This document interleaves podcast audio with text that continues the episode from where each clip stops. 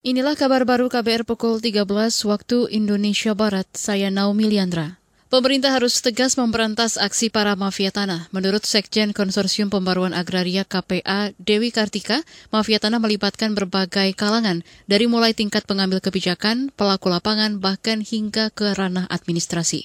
Dewi juga menilai tindakan kepolisian dan kejaksaan terhadap pemberantasan mafia tanah masih terbilang kasuistik dan hanya tebang pilih adalah justru pemberantasan mafia tanah yang itu memang melibatkan jaringan mafia tanah yang tersistematis, terstruktur, terorganisir dan sangat profesional di mana itu melibatkan berbagai pihak. Misalnya dari mulai pelaku utamanya melibatkan pengusaha dan petinggi pemerintahan yang punya kewenangan dan jabatan, kemudian aja juga melibatkan pelaku di tingkat lapangan, apakah itu advokat, pemuka agama, pemerintah daerah, eh, polisi, TNI dan preman, kemudian ada juga pelaku di ranah administrasi pertanahan seperti notaris, PPAT, Sekjen Konsorsium Pembaruan Agraria KPA Dewi Kartika mengingatkan suburnya praktik mafia tanah antara lain didukung oleh sistem informasi pertanahan yang tidak transparan, konflik kepentingan yang erat antara pengusaha dan pejabat pemerintah, serta buruknya sistem administrasi dan kehutanan.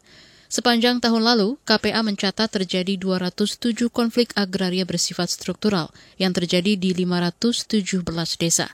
Konflik agraria itu melibatkan hampir 200 ribu kepala keluarga.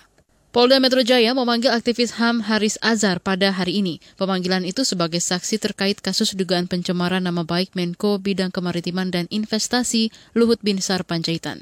Meski begitu, pengacara Haris Azhar yakni Nurholis Hidayat mengatakan sudah mengajukan supaya agenda pemanggilan terhadap kliennya diundur hingga 6 Februari mendatang. Seperti dikutip Kompas hari ini, Nurholis menyatakan kasus yang melibatkan kliennya kini sudah memasuki babak baru, yaitu naik ke tingkat penyidikan. Nurholis menyebut pihaknya sudah menerima tembusan SPDP atau surat pemberitahuan dimulai penyidikan pada Desember lalu. Kepolisian hari ini juga sudah mengagendakan pemanggilan kepada kliennya, yaitu Haris Azhar dan Koordinator Kontras Fatia Maulidianti.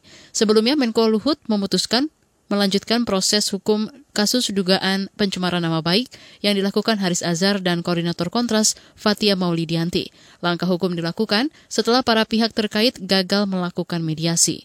Luhut melalui tim kuasa hukumnya melaporkan Haris dan Fatia karena percakapan keduanya di kanal YouTube pada 22 September lalu. Kejaksaan Negeri Sorong, Papua Barat memindahkan enam tersangka penyerangan pos koramil persiapan Kisor, Distrik Aifat Selatan, Kabupaten Maibrat ke Makassar. Pemindahan tersangka Michael Yam, Maklon Same, Robi Yam, Apmoski, Agus Yam, dan Yakobus Worait dilakukan pada 29 Desember lalu. Kepala Seksi Pidana Umum Kejaksaan Negeri Sorong, Eko Nuryanto, mengatakan Pemindahan itu berdasarkan surat Mahkamah Agung pertengahan Desember lalu. Menurut Eko, enam tersangka penyerangan pos Koramil di Maibrat itu akan disidangkan di Makassar, Sulawesi Selatan. Dalam hal pemindahan dilaksanakannya persidangan di Pengadilan Negeri Makassar ini mengacu kepada adanya surat dari Mahkamah Agung terkait dengan pelaksanaan pemindahan di mana surat tersebut uh, keluar kurang lebih sekitar bulan Desember dan surat tersebut isinya menyatakan bahwa proses pemindahan persidangan terhadap uh, para tersangka pembunuhan yang di uh, pos TNI Kampung Kisor Kabupaten Maibrat Kepala Seksi Pidana Umum Kejaksaan Negeri Sorong Eko Nuryanto mengatakan alasan pemindahan enam tersangka ke Makassar yaitu faktor keamanan. Saat ini enam tersangka dititipkan sementara di rumah tahanan Polda Sulawesi Selatan sambil menunggu jadwal persidangan. Keenam tersangka disangkakan pasal berlapis sebab diduga bersama-sama menyerang pos Koramil di Maibrat secara terencana pada 2 September lalu. Akibatnya empat prajurit TNI gugur dan beberapa lainnya terluka. Demikian kabar baru KBR. Saya Naomi Liandra, undur diri.